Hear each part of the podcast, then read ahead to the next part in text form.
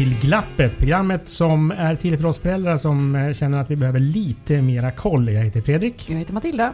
Mm. Mm. Du, eh, eh, vi har ju pratat om en massa saker i den här programserien. Ja, Eh, vi har så roligt. Ja.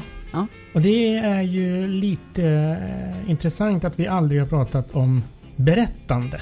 Ja, eller berättelser. Mm, exakt. Och det tänkte vi göra idag. Ja, Berättandets magi. äntligen. Ja, Eller hur? Det känns som en sån där genomgående grej i många av de sakerna som vi har eller tagit upp. Samtalet med barnen och eh, vad man ska tänka på då. Och där kommer ju berättandet in liksom. Historier man själv berättar. Varför ska man berätta grejer? Ska man berätta grejer? Och Mm. hur ska man göra det på ett sätt som får barnen att lyssna? Det Mm. tycker jag känns som ett jättekul eh, ämne. Just det. Mm. Och eh, vi har därför bjudit in en gäst. Ja, Josefin Sundström är här. Välkommen! Fick jag prata nu? Du vill Ja. prata! Hej, Varsågod. tack, vad roligt att vara här. Josefin är författare och Mm. journalist och programledare. Mm. Och du har skrivit två barnböcker nu och Mm. två vuxenböcker. Mm. Mm. Det har jag. Ja, Det är inte klokt. nej, jag tänkte det. Är, är, är det bara två? Jag som hållit på och skrivit så länge. Ja, jag, jag har ju egentligen nu skrivit tre barnböcker. Två har kommit ut. Just det. Eh, eller en kommer ut typ nästa vecka när vi pratar här. Just. Den är på väg ut. Mm. Mm. När det här hörs så har den kommit ut. Just Mm. det. Precis. Så är det. Så vi är väldigt glada att du är här. Det är väldigt roligt att jag fick vara här. Jag visste ju inte riktigt temat när jag klev in här i, i det här konferensrummet. Men eh, jag kände bara så här, men mm, vad kul att jag fick komma just den här dagen. Mm. Hur? Du, jag tänker, eh, hur, hur tänker du kring eh, berättandets magi? När du hör den, den beskrivningen. Mm. Vad får du för tankar? För mig blir det, det första jag tänkte på eh, var nog att det, det, berättandet är som en röd tråd i hela mitt arbete och alltid varit. Och också varit som en röd tråd, en riktning kan man säga som jag har följt ända sedan jag var liten. Eh, jag är ju då utbildad dansös, balettdansös. Eh, det är ju egentligen en ganska teknisk konstform. Men min, liksom, mitt fokus som dansare handlade om att uttrycka sig och att berätta då. Eh, och sen har jag då jobbat som journalist och då programledare. Och jobbat med sådana produktioner där det också handlat om att berätta någonting. Och eh, landat kanske mer och mer i skrivandet och författandet. Eh, det grundar sig i att jag, jag läste väldigt mycket som, som liten och blev läst för. Väldigt Mm. mycket. Som Alltså läst för eh, initialt då, förstår jag. Eh, precis, alltså mina föräldrar läste mycket för mig när jag var Mm. liten. Och det tänker jag är något sånt som ju verkligen också går igen. Det här som vi också har pratat om i, i flera andra poddar. Alltså att barn gör som man gör. Mm, Eh, även om man säger så här, åh det är så viktigt att läsa. mm, så kommer barnen förmodligen inte att börja med det om man inte själv är en läsande person eller att man läser för sina barn. mm. Eh, så det tänker jag också, så här, det, det, det hänger ju ihop det där. Man vill ju knappt säga att det är viktigt, eller jag tycker inte ens att man ska säga att det är viktigt att läsa. Alltså, Mm. Utan bara fokusera på att det är roligt. Eh, Mm. just när man har barnen nära sig menar jag. Sen kan vi ju prata om att det är viktigt att läsa, för det Mm. vet vi ju, det visar ju forskning. Men, men ehm, roligt är det. Jag tror att det ekar väldigt mycket just för att jag står i ett valv här som pågår Mm. uppåt. Ja, fast det Om ni kommer undrar. inte märkas när vi Du tror inte eh, det? redigerar. Nej? För då tar vi ner det. Ja, jag tänker att jag kanske står lite bättre så. Nej. Här, Just här blev i det studion. så här- Jag älskar det. Här blev det rundgång, men det kan vara kul. Nej, Vi men, har, eh, vi har ju som eh, Lotta Bromé som förebild när vi ställer in ljudet. P4 Oj. Extra. Hej och välkommen Oh. till P4 Extra med Lotta Bromé. Vi får Ja. byta nu till Josefin Sundström i P4 Stockholm. Just det.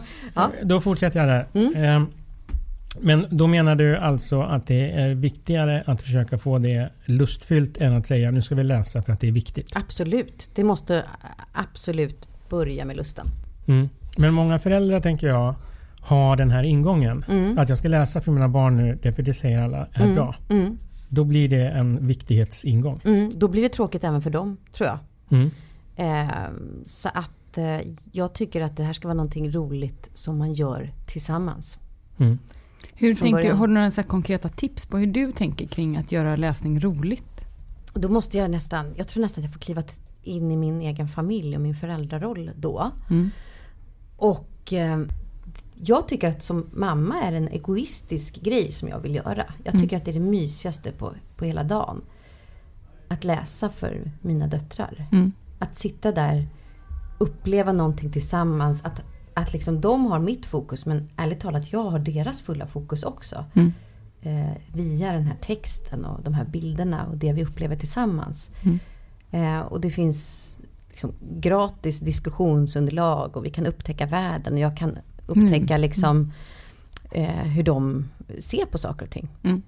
Ehm, ja, så att se till att det är mysigt även för dig som läser. Liksom, Mm. eh, känner jag. Men då kan man ju tänka så här. Det eh, i den här eh, ständigt upppassade världen Mm. eh, gäller att hitta tid. Mm. Fast det här är Det här är ju Skulle jag säga viktigare än tandborstning. Vi borstar ju tänderna på våra barn.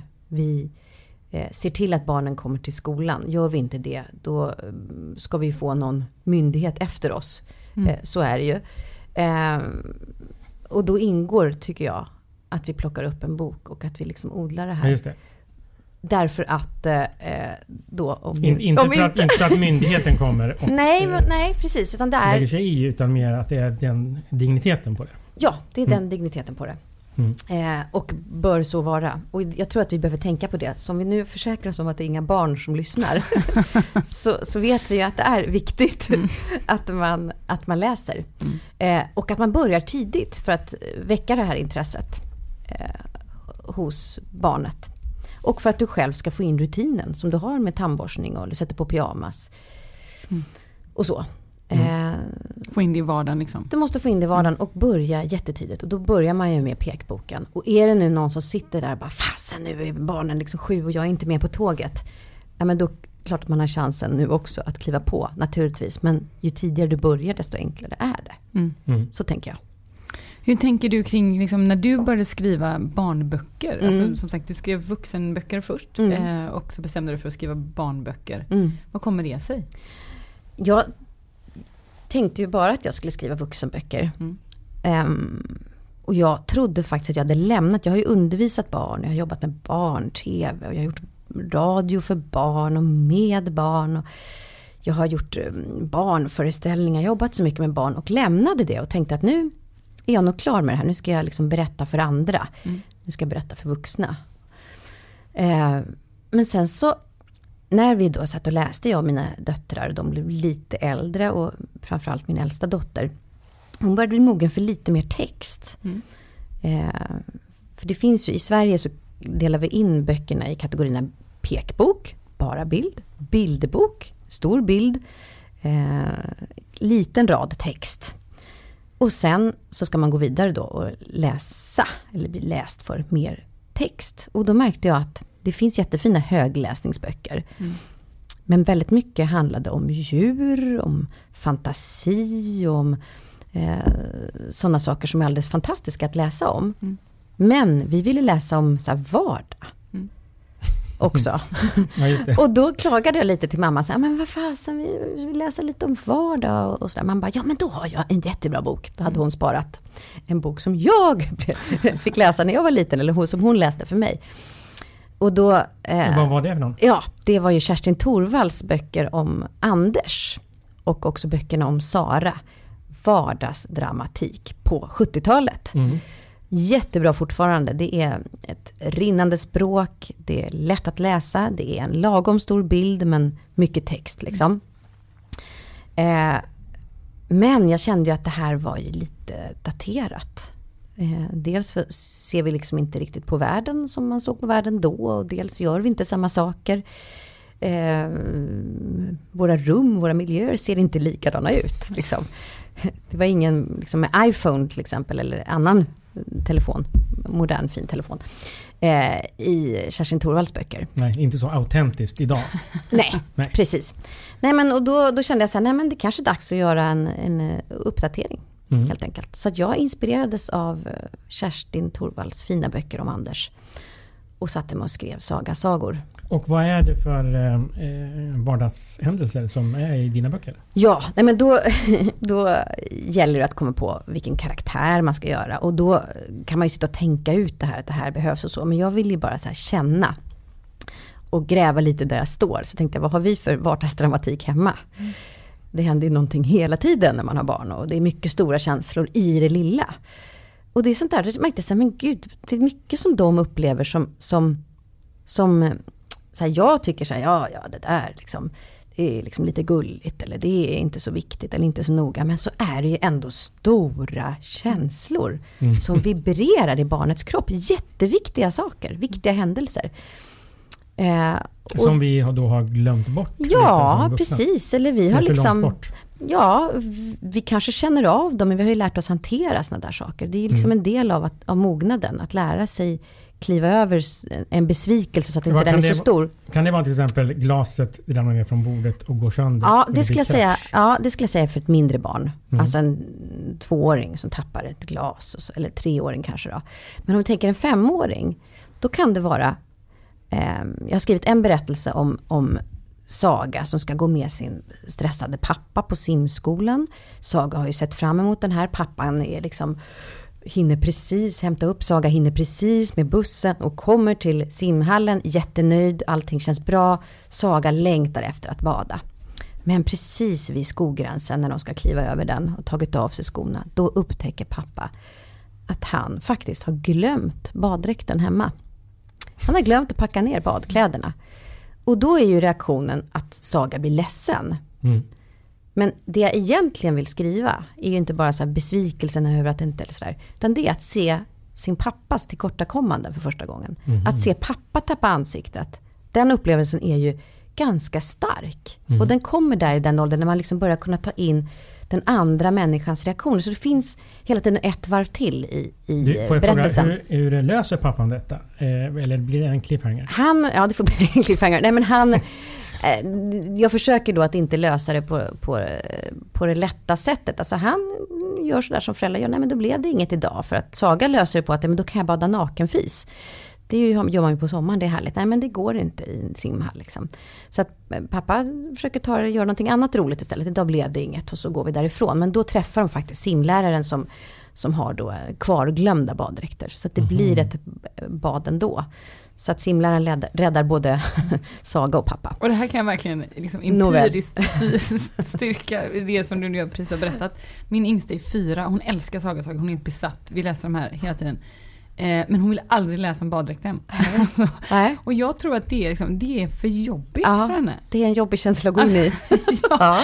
Men alltså, för det finns andra kapitel, ett som handlar om en, en kompis som bryter armen på studsmattan. Så det tycker hon är skitkul och bara vi tar det om studsmattan. Ja. Så dramatiskt liksom. Och sen det här kapitlet om att hon ska sova hos morfar. Ja. Jag också älskar hon liksom. Sova borta. Ja exakt. Mm. Och det mm. vet hon att hon kan, hon klarar det ja. själv. Och så här. Men just den här baddräktskapitlet alltså. Och jag har ändå så försökt aktivt, ska vi, kan vi inte, ska vi inte ta och läsa om baddräkt? nej, nej, vi tar det här morfar. Ja, nej, det, är, det är för jobbigt. Så det, ja men det, mm. det är någonting på spåren där mm. verkligen i den här vardags, som du säger, så här, man, man glömmer bort ibland vad det är barnen sitter med. Ja. Och vad som blir stort i dem. Ja. Eh, liksom, att man så här, ja, sånt i livet, man glömmer bara det. Man kan inte skrika och gapa över det säger vi om mycket. Nej men vad är det egentligen vi går in i för känsla? Vad är mm. det som barnet upplever? Mm. Och när man lär sig förstå då vad som händer, då blir det ofta lättare att, att lösa konflikten också. Mm. Har jag tänkt. När man liksom, ah shit, ja, det var ju det där som var grejen. Det var kanske inte liksom vad det nu var, kan vara för kriser man upplever. Det kan ju ofta vara många kriser om dagen. Mm. faktiskt. Men det man... låter lite som en, också en folkbildningsuppgift. för till föräldrar att förstå att de små sakerna har betydelse. Ja, skulle kunna vara det. Bara det att jag har inte tänkt så när jag skrivit den. Men, men... men när jag hör dig berätta ja. så börjar jag själv tänka så här. ja. Min, jag har en tvååring. Ja. Eh, så fan vilket, hon har ett liv. Hon har ett liv. Ja. Och det eh, omfattar jättemånga saker som mm. jag tar som inget speciellt. Mm. Men som förmodligen är väldigt viktigt. Mm. Hur kommer du på de här? Kommer de bara dimper ner eller? De här berättelserna? Mm, nej, men ingenting dimper ner. Utan det är... Jag sitter och fnular. Jag tänker mycket, fnular, snappar upp. Sen har jag jobbat mycket med barn. Så jag har liksom sett kriserna från olika håll. Mm. Även innan jag fick barn. Eh, så såg jag liksom ganska mycket vad så här, Då innan man fick barn, föräldraperspektivet. Sen har jag försökt gå ner i barnperspektivet. Så vad är det mina tjejer upplever nu? Vad är det de känner? Och vad är det de behöver förstå för att, ja, men för att underlätta för dem? Liksom. Och därmed, ärligt talat, för mig själv också. Mm. Så att det, det finns de kan sätta ord på liksom, ja, saker som är precis. främmande för dem eller som ja. med ja. Har det funnits teman i de här böckerna? Du har ju gjort två och det kommer mm. ut en till. Mm. Har det varit några sammanhängande teman i dem?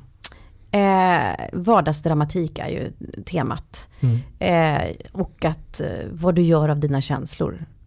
Eh, så det finns i varenda, det händer någonting som är stort och starkt eh, ur barnets perspektiv. Och för en vuxna så är det ofta inte så stort. Jo, eh, det är som sagt det du berättade om med eh, när Sagas kompis Samir bryter armen. Mm. Då är det återigen så här, då är det första så här, ja det är hennes kompis bryter armen, det är en stark känsla. Men i det här fallet är det faktiskt Saga som råkar skada honom. De hoppar studsmatta. Och den känslan går jag in i mer än hur det är liksom för den här pojken som bryter armen. För det har man sett och man går till doktor, man får gips och spruta och allt det där. Stor dramatik naturligtvis. Eh, men också så här, hur det är att stå bredvid och vara den som har orsakat mm. det där. Eh, det är ju inte helt lätt. Och det råkar vi ut för att vi skadar andra. Inte alltid fysiskt men det händer väl att man gör någonting i livet. Man råkar trampa på någon. Man ja. råkar göra någonting som skadar. Ja. Och där tänker jag verkligen eh, liksom att den här berättelsen, att få läsa om någon annan som gör eller förstå det genom någon annan så behöver man inte heller som barn eller vuxen för den delen eh, lägga det på sig själv. Alltså att jag känner mig så dålig eller dum för att mm. jag gjorde i skolan utan då kan man precis som du säger, när man ligger där på kvällen och läser kanske, så kan man tala om vad Saga gjorde, mm. hur Saga kände. Mm. Eh, och jag tänker att där, eh, lite som vi inledde programmet med, liksom berättelsens magi, att jag tänker att vi som föräldrar, vi skulle kunna kanske bli ännu bättre på att själva berätta. Mm. Om våra tillkortakommanden, mm. om saker vi har varit med om. Mm. Jag har en sån grej som jag gör hemma, eh, eftersom vi har, jag har ju två barn, en stor tjej och en lite mindre. Och jag är ju också stora syster. Och när, liksom, när de ryker ihop för mycket och, och min äldsta bara så här, Det är så jävla jobbigt, jag var mm. bättre innan, vi hade någon lilla syster i familjen. Mm. Eh, då försöker jag, brukar jag berätta någon historia när jag var stora syster mm. och hur jävla jobbigt det är att vara mm. stora syster. Mm. Alltså, mm. och så pratar vi om det. Och då behöver inte hon prata om liksom sina tillkortakommanden eller sitt. Mm. Liksom så. För, för, hur, hur gör du då? då berättar du det helt, autentiskt ja, eller försöker du hitta på en mm. story? Nej, nej, då berättar en, då säger jag så här, vet du vad Malva, jag ska berätta en historia för dig. Mm. När jag var liten så var jag, var stor, eller jag är ju det, hon känner mina syskon naturligtvis. Mm. Men eh, då hade jag tre liksom. Och så hade jag en syster då som hon ju känner väl, som heter Anna. Och det var ett år och ett halvt år mellan oss. Mm. Eh, och vi slogs liksom jämt. Alltså på riktigt. Och vi hade en så här, vi hade när vi bodde i, i Bohuslän så hade vi ett hus man kunde springa runt i. Liksom. Mm. Och så hade vi någon slags tävling då, eller det var ingen tävling, det var på liv och död. Vi skulle slå ihjäl varandra helt enkelt. Så vi sprang liksom den ena före den andra efter. Och sen var liksom det, det finaste man kunde göra det var att man hann fram till telefonen och ringa till pappa. liksom skvallra järnet på vad som hände. Och då, min mamma var lärare, sen kunde man inte ringa liksom. Eh, och då, och pappa, alltså stackars min pappa, så satt liksom på sitt jobb, på sitt kontor. Redo? Bara, ja, det är Christer. Och så, ah, vi på det! Alltså, som det, måste, alltså det måste vara ett fruktansvärt... Ring 90 000 nästa gång. Det var ju det på det den tiden. Absolut ja. på den tiden. Eh, och att då kan, vi liksom, då kan vi prata om det för att Malva fattar att jag fattar. Mm. Mm. Att jag har känt mm. det du känner. Mm. Jag har känt att man vill slå ihjäl sin lilla syster. Mm. Det får man inte men det är okej liksom, att känna de känslorna. Mm. Ja, och där tänker jag liksom att berättandet är så himla viktigt mm. och att vi också då liksom bjuder på våra egna. Mm. Här, inte så, ja men typ Sagas pappa, mm. liksom, grejen. Det är, det är grunden till kommunikation egentligen. Att mm. kunna berätta mm. både sina egna känslor och tolka andras känslor och sådär. Det har man också stor, man får en väldigt så här, om man tycker att någon är liksom jobbig eller liksom på jobbet. Alla har, träffar ju på idioter ibland som man mm. tycker. man kan ju själv säkert idioten, men, men nåväl. Nej, nej, aldrig, aldrig.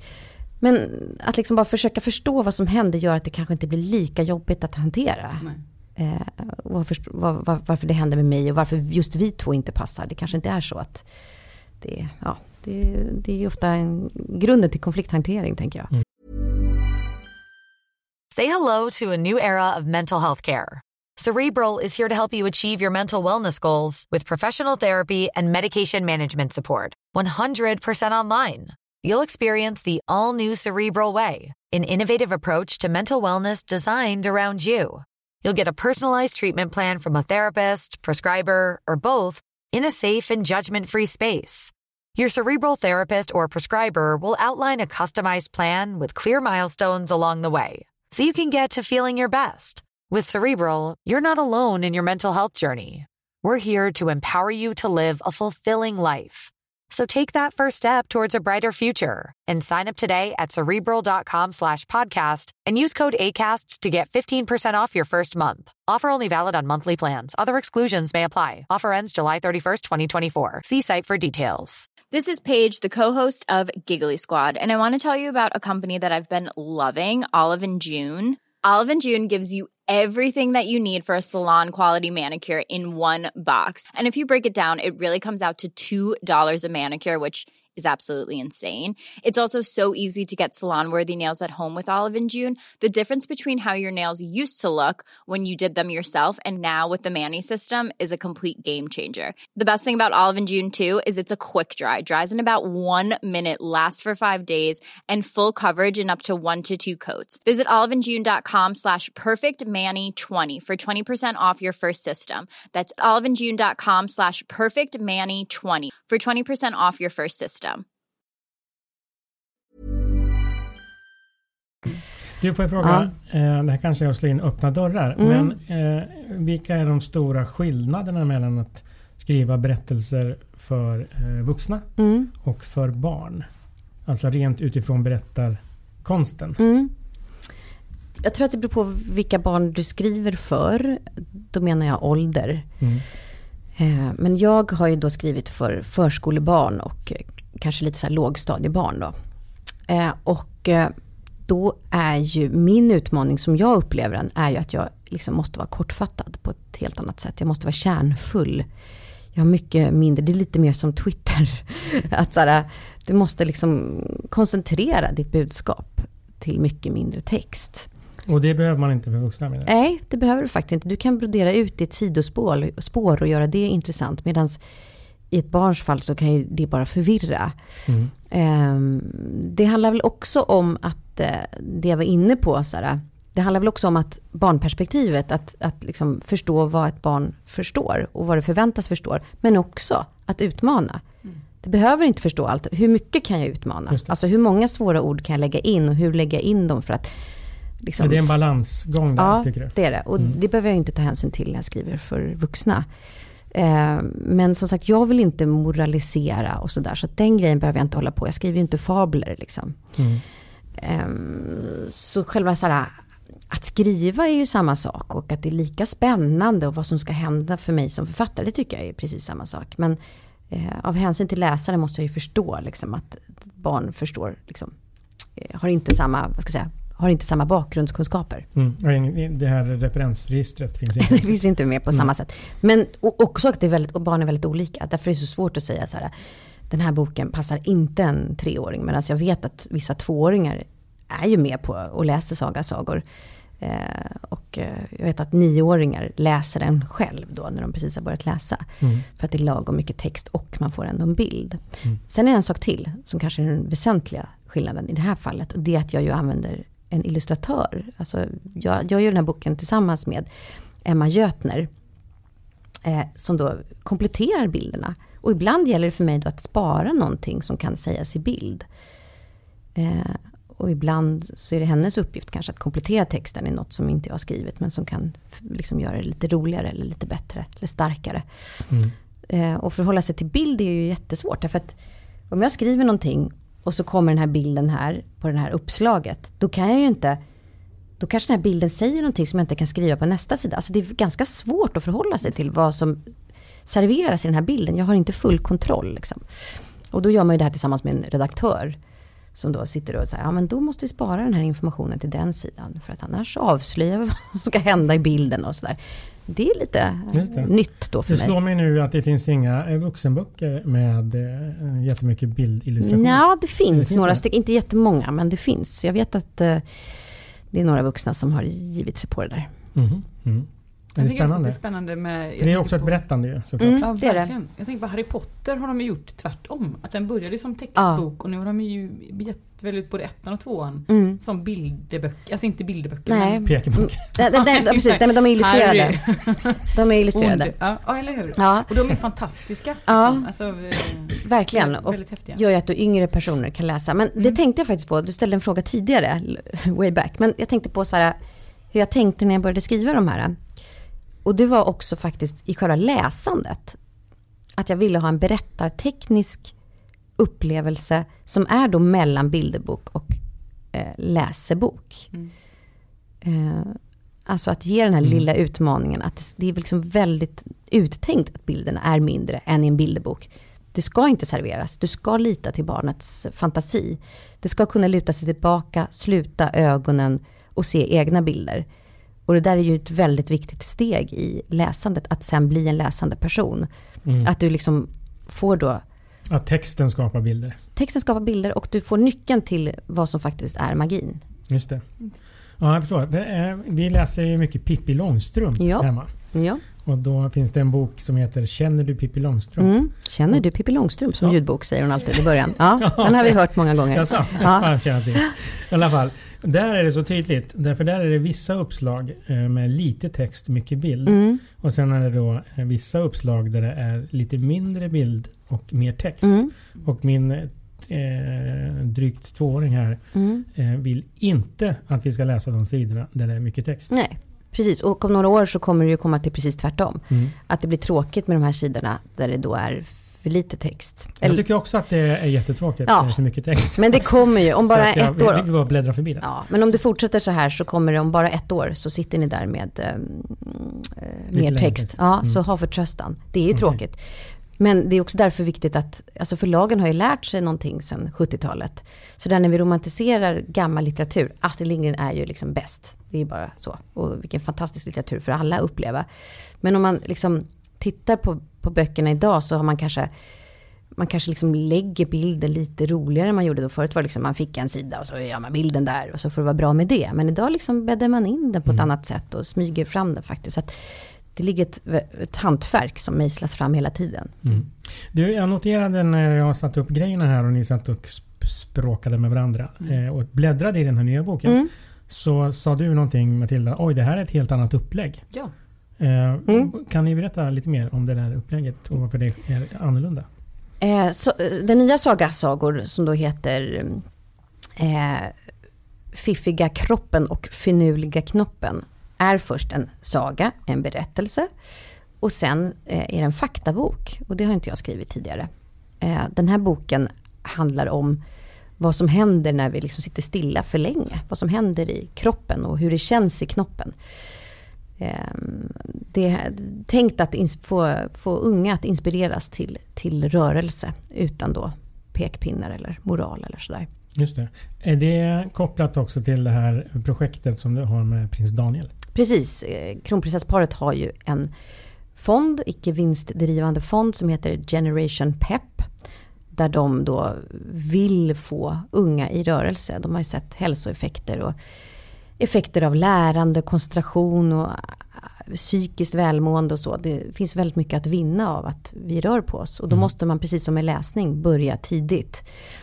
Och då var det på, på prins Daniels initiativ. Han eh, tänkte att ja, men en bok, det liksom får man ju med sig tidigt och det är någonting att samlas kring och det kan vara ett samtalsunderlag. Sådär. Mm. Så att eh, han vänder sig till mitt förlag. Och då började vi eh, samarbeta och göra den här boken ihop.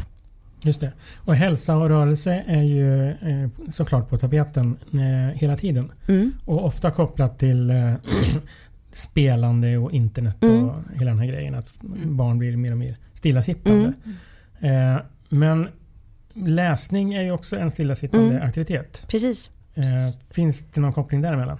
Eh, absolut, alltså sitter du stilla för länge, oavsett om du läser, om du hänger på sociala medier eller spelar tv-spel, så är det inte bra. Mm. Eh, du kan sitta och läsa filosofi för länge.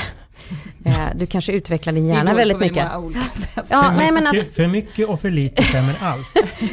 men för, förstår ni, nej, men, nej, men det är ju, det är ju eh, precis. Och du lär dig inte så mycket heller om du sitter stilla länge. Så därför har ju liksom forskning visat att, att rör du dig, inte bara att du rör dig då en timme om dagen ska ju barn röra sig. 60 minuter om dagen ska ett barn röra sig, annars kommer det inte må bra. Det vet man. Eh, men det handlar också om att du ska egentligen röra dig ofta. Sitter du stilla länge så behöver du liksom upp och sträcka på dig lite, få igång hjärtat lite. Sen kan du sätta dig igen och läsa vidare din bok eller spela lite tv-spel vidare. Mm. Ja, för jag tänker att det är liksom, det här är ju som sagt utan liksom pekpinnar som vi inte ska hålla på med så mycket i den här podden. Eh, Eh, så är det ju just de här sakerna som vi började prata om, att det måste ju också vara lustbetonat. Mm. Att det är viktigt mm. att röra sig, det är viktigt att läsa. Men att man också hittar de här liksom vardagsgrejerna som blir kul. Mm. Så vi cyklar och handlar mm. eller vi gör en hinderbana i trädgården mm. eller vi hoppar på ett ben. Eller, alltså, mm. eh, det är så bra att du tar de sätt. exemplen för det är precis det vi tänkte att, att göra. Det, ska, det handlar om att få med alla barn. Och eh, mm. det har ju var, visat sig vara en klassfråga det här. Att barn i välbeställda områden, de har liksom hur mycket aktiviteter som helst. Mm. Och det är dyrt. Alla aktiviteter kostar väldigt mycket pengar. Mm. Eh, och i vissa områden så har man kanske inte, man kanske inte ens känner till att det är att ett barn behöver röra sig så mycket. Och man har kanske inte råd eller möjlighet att ta sitt barn på en aktivitet. Och då är det här någonting som alla ska göra. Och mm. röra sig hemma, det kan man. Mm. Eh, och att förklara eh, så att både den vuxna som läser den och eh, barnet att förklara för dem liksom vad som händer. Det kan, vara en, det kan vara en nyckel till att man vill röra på sig också. Mm. Jag tänker att vi också borde i, det här, i den här podden slå ett slag för biblioteken. Mm. Och nu, slår jag, nu tänker jag att det borde finnas något liknande för rörelse. Mm. Att man, liksom, man lånar Lämna en fotboll, ja. eller man lånar ja. ett hopprep, ja. eller en cykel eller vad det nu kan vara.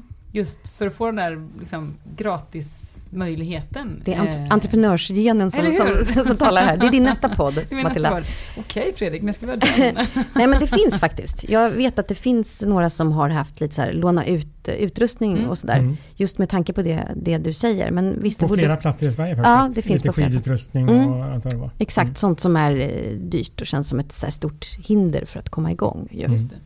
Men, eh, men jag tror ändå på man kan göra det mer. Större och bättre. Kan vi vänta oss mer aktiviteter i det här projektet? hur kan du beskriva projektet? Absolut, det kommer det bli. Mm. Eh, både vad det gäller sagasagor eh, och att få barn i rörelse. Det släpper jag inte. Det här är en fråga jag också har jobbat med tidigare ska jag säga. Både som, jag har ju varit danspedagog mm. och jag har ju velat koppla ihop då fantasi med lusten att röra på sig i dansen. Mm. Så det släpper jag inte. Nej. Ska vi prata klimat nu också så får jag in min... Ja. det blir jättespretigt. Min alltså, sista hjärtefråga. När kommer den? Ja. Saga Såg sopsorterar. Ja precis. Så, ja, det, komma. det nämns ju en kompost i det hela så att jag, där har vi lagt in något då. Det är, eh. det är lite sådana saker inslag också i alla fall. Nej, det är mer för att jag har plockat ur min vardag och jag tycker okay. att det är viktigt att få in det naturligt. Då. Jag förstår. Ja. Mm. Jag tänker att det kommer komma en sån. Jag känner det, jag känner att vi har någonting här. Ja, ett rörelsebibliotek och en saga sopsorterare. Det, det, kommer, det känns som att eh, Mm. Återigen, men jag tänker vi, liksom, vi kommer tillbaka till berättelsen. Alltså, det är ju det som är så himla ja. härligt. Ja. Eh, att hitta den där berättelsen ja. i vardagen. Varför man gör grejer, varför man inte gör grejer. Alltså mm. hitta på liksom, mm. sagor i mm. det man håller på med. Eller mm. att lura, inom situationstecken, sina barn liksom, att bli lustfylld och det kan man ju göra mm. genom att berätta. Men vad, vad, får man då om man läser? Vad får man då om man blir en bra berättare? Det kan man ju mm. tänka liksom. Men vi vet ju idag att liksom så här, läsförståelse och ordförståelse, att kunna ord och kunna kommunicera är ju någon typ av makt. Mm. Man behöver inte prata om makt i det stora, men makten över sitt eget liv och, och att kunna förstå samhället. Också så att det är viktigt för en demokrati att folk kan ta till sig information och adekvat information. Att, just det, att kunna bidra och delta. Ja, eh, precis. Den demokratifrågan. Och där vet vi ju liksom med, med eh, siffror liksom hur, hur liksom läsandet faktiskt eh, påverkar.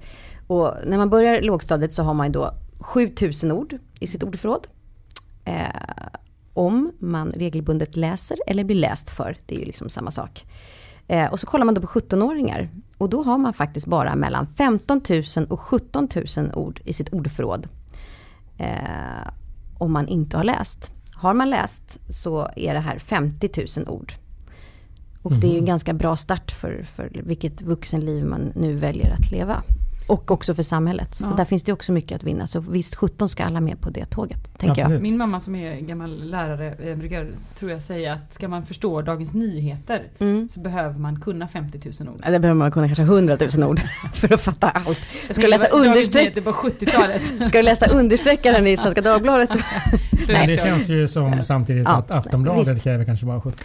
Ja. Nej, men, Nej, men, Att ändå förstå, att, att också att kunna abstrahera ja. tänker jag. Mm. Att det handlar om också, att läsa är en sak. Mm. Men att också läsa, alltså förstå det man läser och kunna mm. liksom plocka in det i sitt eget. Ja. Eh, krävs ju. Men där vill ju jag egentligen inte heller så säga dela in i fin eller ful. Egentligen så här fin litteratur, ful litteratur. Jag tycker liksom så här allt. Mm. Eh, och får man in läslusten i en serietidning eller i en vad det nu kan vara. Mm. Eh, Astrid Lindgrens Pippi eller om det är liksom läsa på ett mjölkpaket. Liksom. Min Kanon! Klass, min klassföreståndare på 70-talet ja. han eh, införde ju serietidningar att vi skulle ja. läsa. Bra. Och det blev ju folkstorm ja. bland föräldrarna. Som Aha. tyckte att vad är det här för eh, flum? Ja, mossigt gäng ju. Ja. Var de ju. Idag är de ju motbevisade allihopa. Ja, visst. ja. Men det är roligt. Ja. Men det är också viktigt tycker jag att komma ihåg att det handlar om orden du läser, mm. inte var de orden finns någonstans. Nej. Utan att det är, liksom, det är orden i sig som är viktiga, att du får till dig. Liksom. Ja, verkligen. Uh, ja, och väcker lusten. Mm. Mm. Du, eh, ska vi försöka oss på att sammanfatta eh, ja. det vi har pratat om? Det ska vi göra. Eh, Känn ingen press, hörni. Vi ser hur många punkter det blir då. Jag älskar att vi så här, kör den ambitionen att vi har tre punkter och inte hållit i en enda podd. Det är så jävla klockrent. så regler är ändå till för att brytas. Eh, jag tänker att det första som jag ändå tar med mig från denna podden är lust till läsning, eller lust generellt, eh, trumfar viktighet. Eh, när man förhåller sig till barn. Säger du till ditt barn att det är viktigt att läsa, eh, så kommer barnet att notera detta Säger du att eh, kom ska vi läsa och jag har gjort popcorn så kommer de att läsa med dig. Mm. Det är bättre. Eh, det tycker jag var en, en eh, viktig grej. Eh, jag tycker att vi kan stanna en stund vid det som eh, Josefin pratar en del om, så här, vad gör du med dina känslor? Alltså berättelsen, berättandet är ett sätt för ditt barn och för dig själv att lära dig om känslor eller förstå känslor eller liksom kunna plocka in och ut känslor och titta på dem. Vilket kommer att göra att du utvecklas i din själ och i din hjärna. Eh, eh, Sista punkten eh, tycker jag ska vara det vi pratade om nu senast, som ju ändå faktiskt är en av mina sådana här hjärtefrågor ändå. Eh, ska vi skapa ett demokratiskt samhälle med demokratiska individer som förstår vad det är de röstar på och vad de håller på med och eh, kunna orientera sig i allt från elräkningar till telefonabonnemang. Då behöver man kunna läsa det är en mänsklig rättighet att få med sig 50 000 ord efter att man har slutat skolan. Och för det är vi många som behöver hjälpas åt. Vi är vuxna, vi är lärare, vi är liksom föräldrar, mormödrar, farmödrar, whatever. Men vi behöver ta ett ansvar för att alla barn ska bli demokratiska medborgare. Det, det, det är tre punkter det. Idag är det tre punkter. Och det blev som ett brandtal. Ah. Så jävla gött. Det jag har inte jag fått ha något. Nej, det har du haft nu. Nej, nu har haft det. Ja, så du kan checka av. Check, check av det. Ja, inga problem. Mm. Jättespännande. Jag har under det här samtalet bestämt mig för att gå raka vägen ner till bokhandeln och köpa dina böcker. Ja. Därför jag inser eh, hur smalt jag har tänkt kring läsning med min dotter. Underbart. Mm. Det är skitbra. Det är så bra med de här poddarna för vi lär oss ju massa saker. Vi kompetensutvecklar oss. Ja. Alltså tänk vad vi ska skriva på CV sen Fredrik kompetensutveckling. Podden Glappet. Pratade med Josefin Sundström. Exakt. Helt fantastiskt. Helt fantastiskt. Eh, vad härligt. Tack mm. för att du kom. Tack. Verkligen. Och eh, lycka till med nya boken. Mm. Ja men vad fint. Mm. Och eh, tack så mycket Matilda. tack själv. Tack ska ni ha. Hej. Hej.